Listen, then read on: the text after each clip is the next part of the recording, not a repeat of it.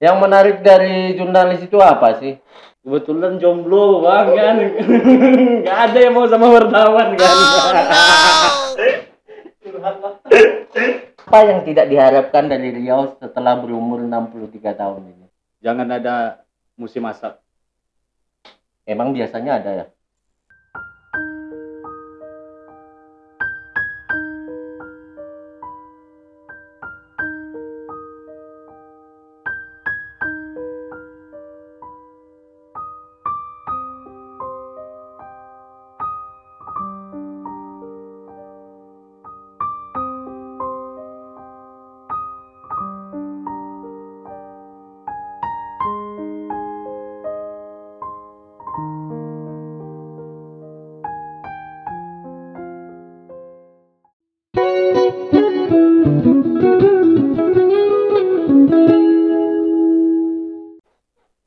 Selamat sore pemirsa Hak Bicara.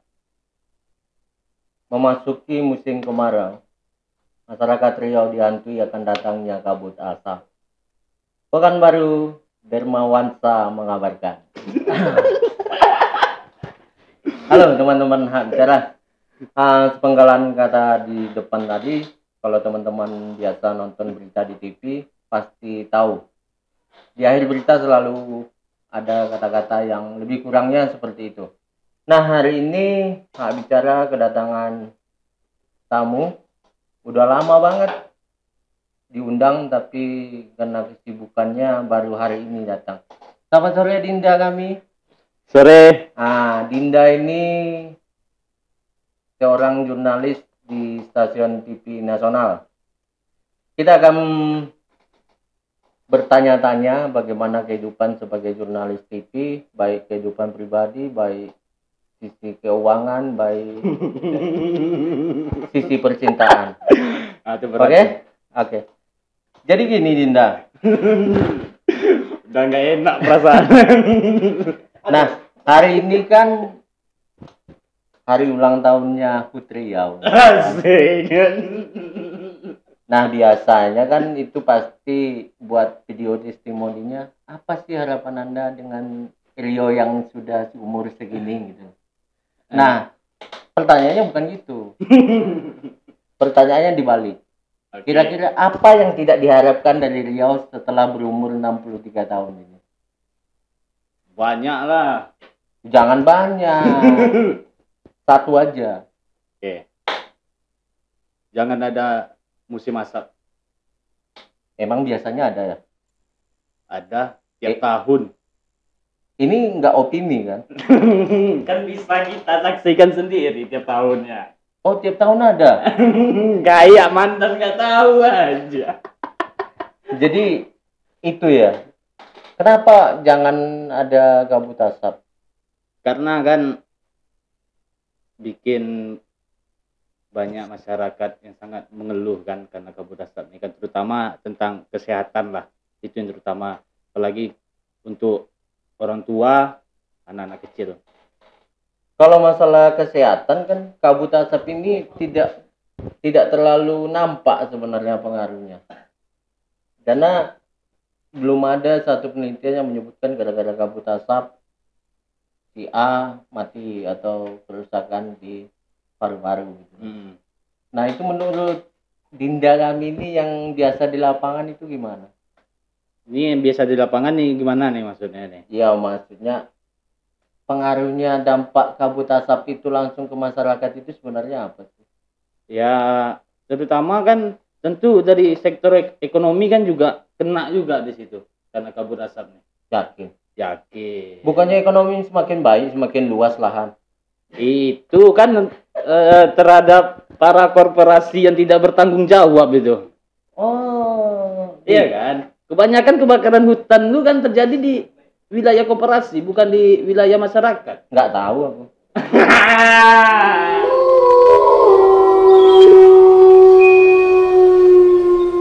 Nah, sebagai seorang pekerja media, ah, udah berapa lama sih jadi jurnalis TV?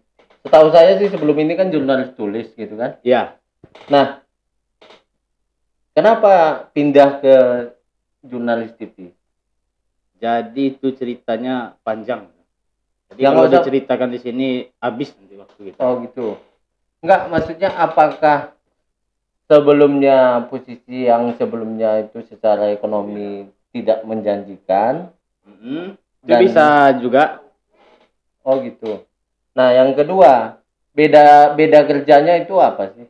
Ah, itu jauh sangat berbeda lah ya dengan ah, war- ah, dengan jurnalis ah, tulis dengan jurnalis televisi ya karena kalau kita jurnalis televisi itu kan dituntut Mm-mm. dituntut untuk kita bisa mendapatkan gambar Ya. yang pertama itu kalau misalnya ada suatu kejadian terutama kita harus langsung ke tempat kejadian karena kita harus membutuhkan visual kan Oh gitu. harus mengambil gambar gimana ya tapi kalau untuk wartawan jurnalis kan yang jurnalis tulis itu kan eh, lebih kurangnya kan eh, palingan orang tuh butuh foto dan nggak pun dapat foto bisa menggunakan ilustrasi gitu sih Lebih menikmati mana? Tulis Kalau- apa TV? menikmati sih keduanya menikmati Duitnya lebih jelas mana? kalau masalah itu kan udah ada yang ngatur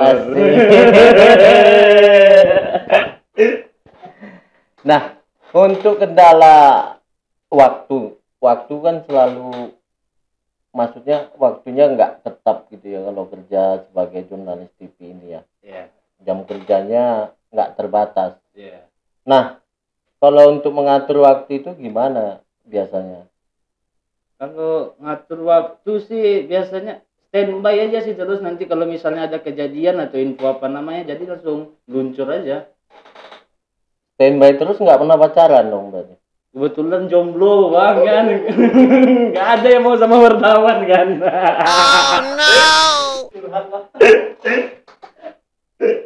Buat teman-teman jangan jadi wartawan. Serius? Udah 4 tahun deh kayaknya jomblo. Empat tahun jomblo. Bangga pula. ya setidaknya mengurangi dosa lah itu aja. Nggak. Misalnya gini. Ini yang penting kan sebenarnya kalau di jurnalis ini kan waktu. Ya. Nah, misalnya ada liputan nih. Tapi kita udah janji ibaratnya sama orang tua gitu kan. ya. Nah, itu gimana sih ibaratnya menyiasatinya? Kalau itu kan kita ngelihat dulu sikonnya. Kalau memang itu liputan memang dituntut betul dari kantor, otomatis kan uh, bisa menunda janji dengan orang tua untuk bertemu. Apalagi kebe- kebetulan orang tua kan di Kabupaten Pekanbaru nih. Orang Rohul. Ah, kalau orang Rahulnya enggak sih. Oh, di pelosok. Bukan, bukan gitu juga. Oh. Jadi lahir di Pekanbaru, otomatis kan orang Pekanbaru. Hanya sekolahnya aja yang di Kabupaten Pekanbaru. Oh, gitu. Yang menarik dari jurnalis itu apa sih?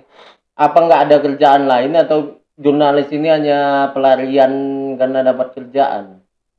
Lebih tepatnya waktu itu sih pelarian. Kecelakaan lah. Kecelakaan udah berapa lama? Udah dari tahun berapa ya? Dari tahun 2016. 2016 sampai 2020 kecelakaan nggak pernah dilaporin gitu. Enggak pernah, karena kita yang menginginkan kecelakaannya Oh, kan. ada kecelakaan yang diinginkan ya.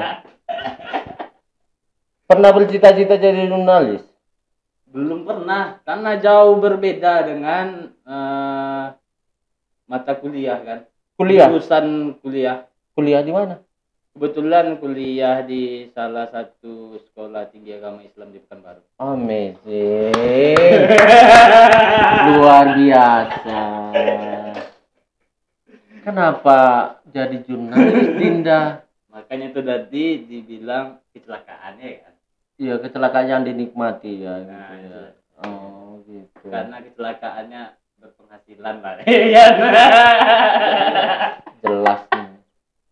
Nah kalau buat berita kan selain berburu visual. Ya. Nah sekarang kan masanya media sosial itu sangat kencang gitu. kan. Hmm. Eh, ada pepatah eh bukan pepatah sih ada yang bilang kalau netizen itu kadang lebih cepat daripada jurnalis Mm-mm. itu benar nggak sih benar terus ngapain ada jurnalis kalau netizen lebih cepat jadi kalau netizen kan hanya melihat. Ya. Terus eh, disampaikannya kan. Mm-mm. melalui medsos dia masing-masing. Ya. Kalau jurnalis itu sendiri, kita kan pergi ke lapangan, melihat dengan mata sendiri, mendengarkan, lalu baru menyampaikannya dengan komplit kan. oh Mencari narasumber yang betul-betul yang berhak berbicara dengan atas atau kejadian itu sendiri. Oh baru ada yang di belakang berita dia. Dermawansa mengabarkan.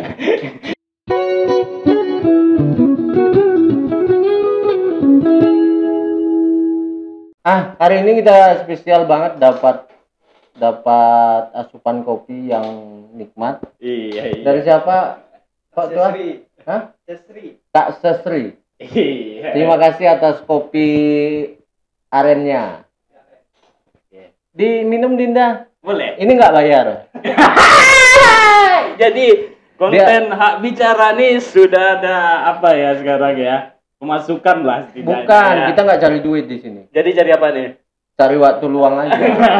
ngisi ya, ngisi ya. Boleh diminum? Boleh. Boleh, boleh.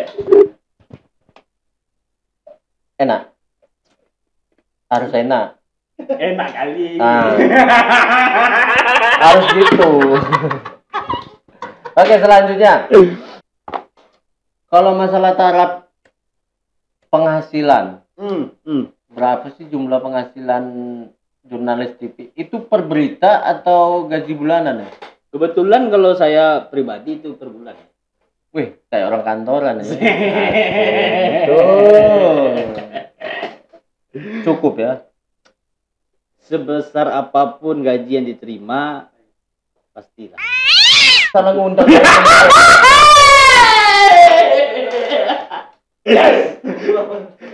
Bukan, dia kayak gini.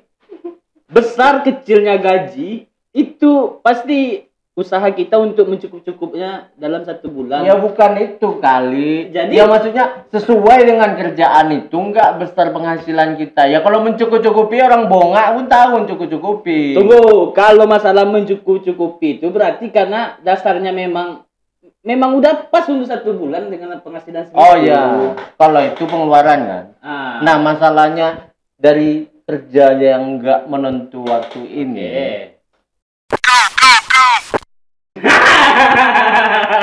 Kira-kira cukup nggak penghasilannya dengan eh maksudnya seimbang nggak penghasilannya sama sama kerjanya gitu.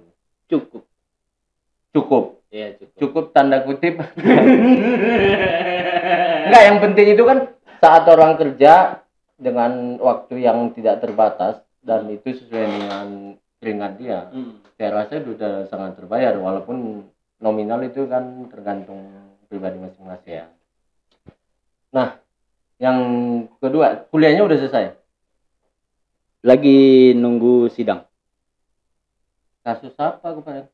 Kok nunggu sidang? Ah, payah jelas.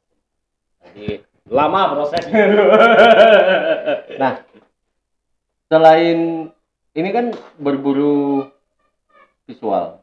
Nah, untuk sekarang ini apakah jurnalis TV itu identik dengan kamera yang yang dulu ya kalau saya tengok yang sebesar di bahu gitu kan. Hmm. Nah, kalau sekarang ini apakah udah mulai menggunakan kamera-kamera yang kecil atau mungkin malah smartphone gitu? Kalau pribadi sih udah smartphone sekarang untuk pergi liputan. Udah sangat cukup ya. Cukup gambarnya pun lebih bagus. Pakai handphone apa? Ya ada lah. Enggak usah, enggak usah disebut. Nah, sebenarnya kan simple. Ah, dan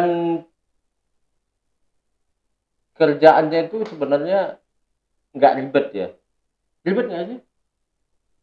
Sebenarnya tergantung yang menjalani. Tapi sejauh ini sih Nggak ada. sumber nggak niat berbagi. Kan emang iya. Ada ada sih waktu ribet, ada sih enggaknya. Kita jalanin aja dulu yang penting. Nah, Siapa tahu jodoh gitu ya. Nah, untuk Riau sendiri biasanya beritanya berita apa sih, Dinda? kalau untuk sekarang itu ya karena mungkin musim kemarau sudah masuk tapi karena masih sering hujan ya, gitu ya. Jadi belum masuk musim kebakaran hutan dan lahan. Jadi kalau untuk sekarang sih lebih ke COVID sih. Oh, Covid ya. Ya. Yang menarik sebenarnya kebakaran hutannya ya. Ya nggak sih? ini mancing nih. Bukan. Jangan sampai ceplos nih. Lain nanti nih. Nanti ada nanti video klarifikasi. Bukan. Kebakaran hutan itu kan tadi di awal disebutin setiap hampir setiap tahun gitu ya. ya, Hampir setiap tahun. Nggak bosan apa liputan itu? dibilang bosan sih enggak ya kalau liputan masalah karhutla nih ya. Kenapa? Karena itu liputan yang nggak ada bosannya kalau liputan itu. Ya kenapa? Tapi kan bukan kita ya yang buat uh, ada kebakaran ya. Ya nggak tahu juga. Ya nggak mungkin lah kita yang buat. Ya kebakaran. mungkin aja. Settingan. Bukan. eh dulu pernah ada ada maksudnya ibaratnya celotehan lah. Maksudnya kalau media ini kalau masalah karhutla suka melebih-lebihkan. Itu benar Hmm. nggak sih? Kalau dari Dinda pribadi gitu loh. Benar nggak kalau kebakaran atau kabut asap itu suka dilebih-lebihkan sama media tentang pemberitaannya? kalau untuk uh, jurnalis TV ya, karena nggak mungkin melebih-lebihi karena dia bercerita melewati video ya, melewati visual dia, jadi nggak mungkin dilebih-lebihi. dan ada konfirmasi tentunya. Iya. Tapi benar nggak kalau visual yang ditangkap video itu kenyataan yang sebenarnya? Benar, itu 100% benar. Karena Oh, gitu. memang langsung turun ke tempat uh, terjadi kebakaran. Nggak biasanya nggak fokusin ke apinya yang hidup aja gitu berkelihatan membara gitu. Ya, jadi pas di situ terlihat api ya kan memang memang ngambil gambar ya kan. Tapi memang benar ya. benar. Oh gitu. Berapa luas lahan yang terbakar? Paling banyak kemarin kalau tahun kemarin liputan itu yang sampai berapa hektar ya lupa tuh. Setengah hektar gitu. Setengah hektar nggak pernah deh. Lebih dikit ya. Lebih lah banyak sih. Nah, kalau liputan lewat udara pernah? Pernah. Rasanya gimana sih? Mabuk. Hah? Mabuk. Liputan bukan mabuk ditanya. Kan lewat udara, jadi kita naik apa lewat udara? Naik heli kan? Nah, kan mabuk kita di dalam heli. Nggak tahu, belum pernah. Oh, belum pernah naik heli ya? Ya. Besok deh, Dinda ajakin ya. Enak. Beuh, mabuk. Bukan, maksudnya ngambil gambar dari heli itu kan apa nggak goyang gitu. Goyang. Nggak takut gitu. Enggak. Nggak takut mati. Setiap kita kan pasti akan mati. Astaga.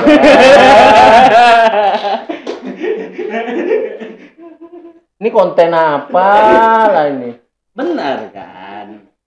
Hah? Setiap member nyawa kan pasti akan pergi kan? Iya, tapi itu nanti Oh, bukan itu yang diharapkan jawabannya gitu. ya maksudnya tuh nggak takut karena saya udah safety liputannya. Oh, gitu. Perginya udah dengan dengan, Dengan- doa Dengan gitu tanda tangan materai gitu. tanda tangan ibu. Ya masa jawabannya ya semua yang hidup akan mati? Kan udah dibilang tadi sekolah tinggi agama Islam dari awal. Yang nggak usah ngegas. Nggak gambarnya memang nggak goyang. Goyang kalau ngambil dari dalam Itu ini. biasanya diajak apa mengajukan diri ikut liputan? ya? Kebanyakan sih diajak. Oh gitu. Kalau dari atas kan tentu luasannya lebih lebar gitu kan nampaknya. Lebih luas. Lebih luas. ya.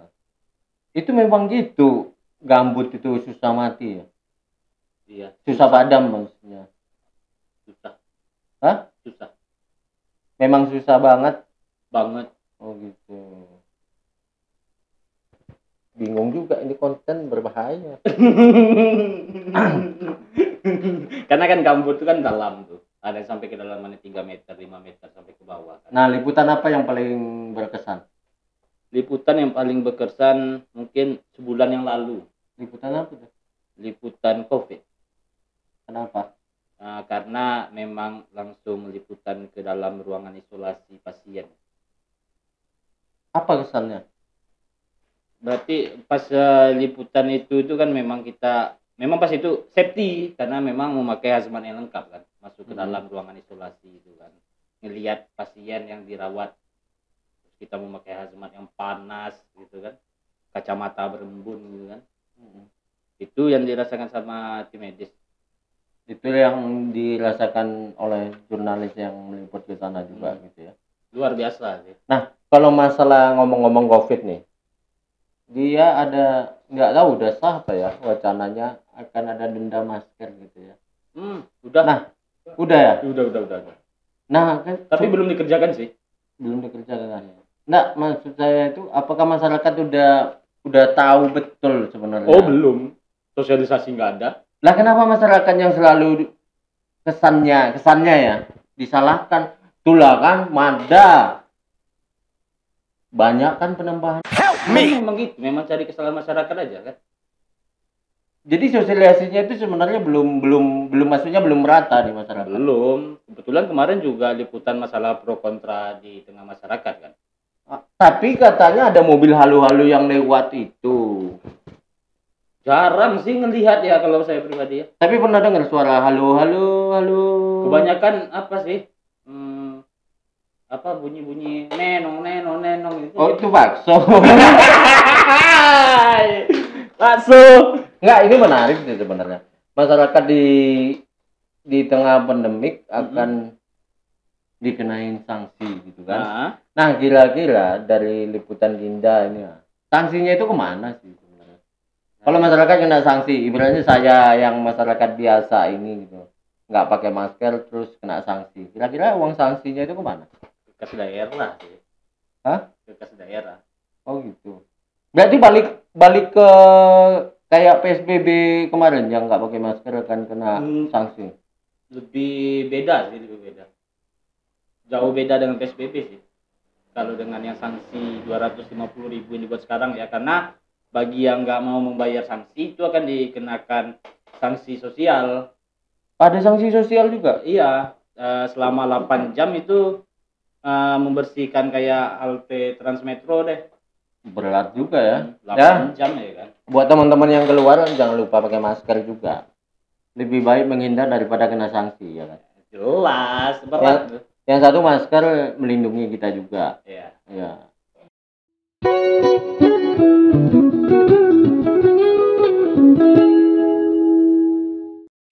Ada nggak liputan yang ibaratnya dapat pengaduan dari masyarakat tentang satu keluhan masyarakat atas satu kebijakan gitu? Pernah nggak liputan yang kayak gitu? pernah Nah itu biasanya eh mempelot up il- apa info dari masyarakat langsung ke TKP gitu ya. iya Nah itu biasanya eh cari narasumber buat konfirmasi pembandingnya itu gimana ya? ya untuk konfirmasinya itu otomatis kalau karena liputan di daerah kota Pekanbaru ya otomatis ke Pemko ya, Ya. ya Tapi rata-rata kalau untuk konfirmasi semua pemerintahan itu sudah bersedia untuk dikonfirmasi. ada yang bersedia Ada juga yang enggak? Ah, yang enggak tuh eh, lebih tepatnya yang susah untuk dihubungi. Oh dihubungi nggak jawab gitu ya. Nah, di WA nggak dibalas ya kan Itu gimana kalau dihubungi di WA nggak mau balas? Ah. Beritanya gimana? Cari alternatif lain ya, yang selain dia yang bisa dikonfirmasi terkait masalah itu Misalnya? soalnya kita kan eh, butuh visual kan Ya visual udah dapat nih, tinggal Iya. konfirmasi. konfirmasi kan Oh. kan terkadang eh, narasumber tuh dia tidak ingin diwawancara melalui video kan Ah berarti kalau kalau buat berita TV harus selalu ada wawancaranya ya? iya harus Wawancara tag video. iya harus ada visual dia Kalau rekaman enggak enggak bisa. nggak bisa karena kita kan menjualnya kan di video Susah juga jadi orang video ya. nah, di situ sih Udah cari gambar, hmm. wawancara, ngedit, bikin naskah, ngirim, Hmm. belum tentu nayang. itulah ya kan bantu-bantu lah kan Untung saya cuma warga biasa ya nggak? nah untuk video sendiri itu kira-kira tahu nggak kalau dari kawan-kawan jurnalis TV itu kira-kira ada nggak yang dihargai per video? Ada. Ada ya? Ada. Jadi liputan tayang baru di baru. Dibayar. berat nggak ya? Berat sih. Ya berat ya. Kalau yang kayak gitu berat. Nah yang tapi ada enaknya juga. Oh ada enaknya? Apa enaknya? Kalau pas kebetulan memang isunya betul-betul menjual dan harus di follow up terus kan? Jual terus tuh tiap hari itu. Kan tayang terus. Oh dapat duit terus ya? Iya iya tapi kerjanya kan capek juga. Ya namanya kerja pasti capek kan? Tergantung kita yang jalani. Ya maksudnya kan dari mungkin seminggu kerja Mhm. liputan seminggu ini kan belum tentu semua laku gitu loh. Maksudnya belum tentu semua publis. Nah kalau ibaratnya dua minggu kerja yang publis satu Hmm, pertanyaannya kayak merasakan kali ya. Merasakan ya? Enggak.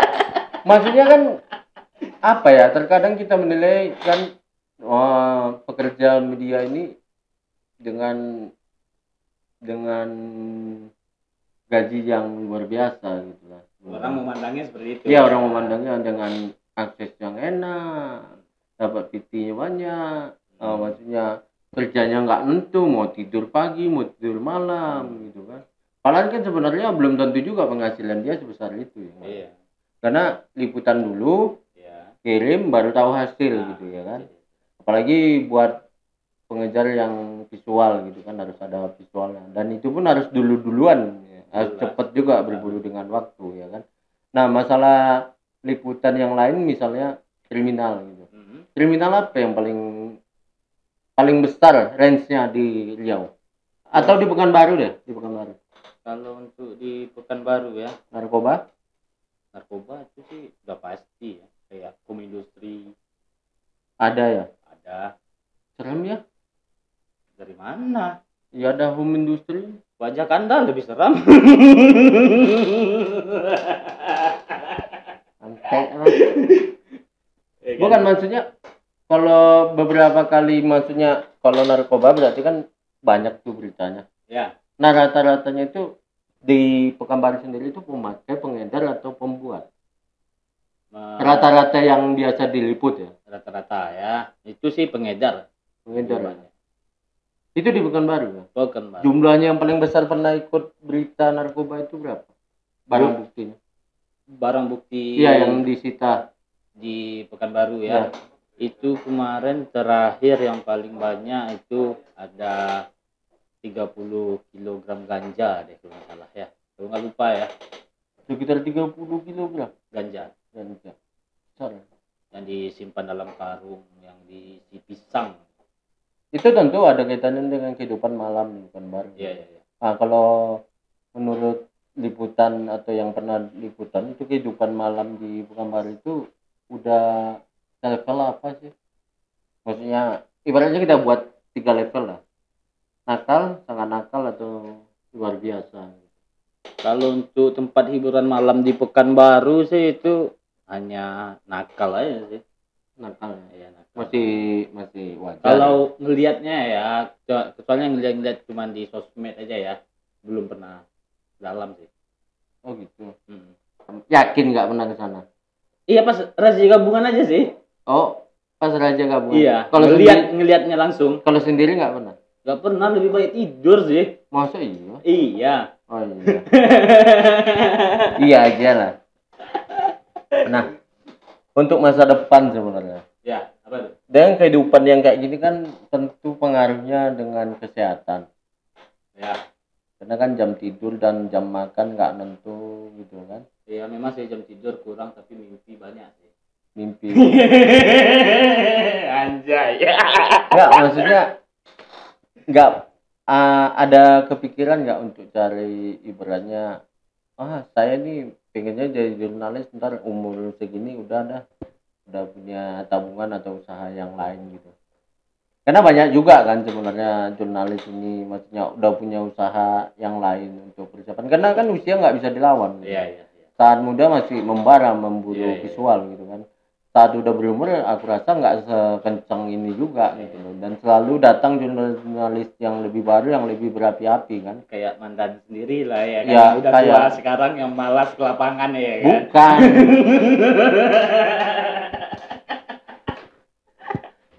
Bukan kayak kayak ada senior saya namanya Buayu gitu kan. Oh, oke. Tahu tuh anak Rohul dia kan? Legend. Legend ya? Iya, legend Bok merokok pertanyaan masih banyak. Oke. Nah nggak nggak maksudnya sampai sekarang punya punya pemikiran buat usaha yang lain sebenarnya sih tentu sekarang belum ya. Masih? Tapi ada sih udah di angan-angan. Oh, masih muda juga kan? Nggak Iya. ada nggak ada tanggungan nggak ada pacar ngapain mikir masa depan ini? Mikir kalau masa oh depan mikir. mikir. memang punya masa depan? Punya masa lalu? Banyak.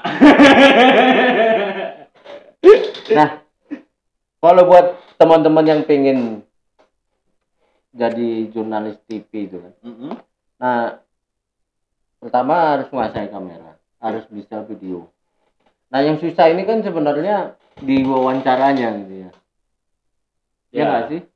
Karena wawancara itu banyak banyak akses Ya, untuk ada akses yang gitu. harus dikonfirmasi Iya. gitu ya. kadang harus melewati ajudan apa, apa namanya gitu kan Nah, itu sampai berapa lama sih? Maksudnya sampai dari awal jadi jurnalis TV sampai mendapatkan fasenya yang enak gitu loh. Mau konfirmasi cepat, itu tergantung narasumbernya masing-masing tergantung juga. iya terkadang ada yang narasumbernya memang sulit betul untuk dihubungi sudah Lah kenapa? Kurang tahu juga ya mungkin karena anti dengan seorang wartawan Loh, kok bisa anti kan pekerjaan media kan dilindungi undang-undang katanya. bukan narasumbernya gitu Oh, narasumber. dia yang takut bukan kita yang takut Oh, gitu. kalau kita gas terus ya Oh. kan Tapi pernah dilarang nggak ngambil video gitu lagi ngambil video dilarang gitu? oh, pernah Di mana? Hmm, kemarin di mana ya sebutin instansinya Nggak usah. Nggak usah. Di mana gitu? di Sudirman Jalan Sudirman ya Jalan Sudirman. Ya. Dilarangnya kenapa? karena pas itu tuh ada suatu pemblokiran ya suatu pemblokiran terus beramai-ramai masyarakat mendatangi jadi dilarang mengambil visual pas itu Jadi, Semua sempat cekcok lah pas itu semua media maksudnya semua teman-teman Dinda juga yang sama-sama bekerja media itu juga dilarang. dilarang tapi kita kan nggak open gitu ya kayak gitu ya kenapa ibaratnya apa sih dasarnya dilarang itu ya katanya sih pas itu belum ada dikasih izin dari atasan Nah, tapi kan isunya udah besar, masyarakat udah ke sana. se Indonesia Se Indonesia. se Indonesia kebetulan itu tuh terjadi di Pekanbaru Waduh, isu apa sih?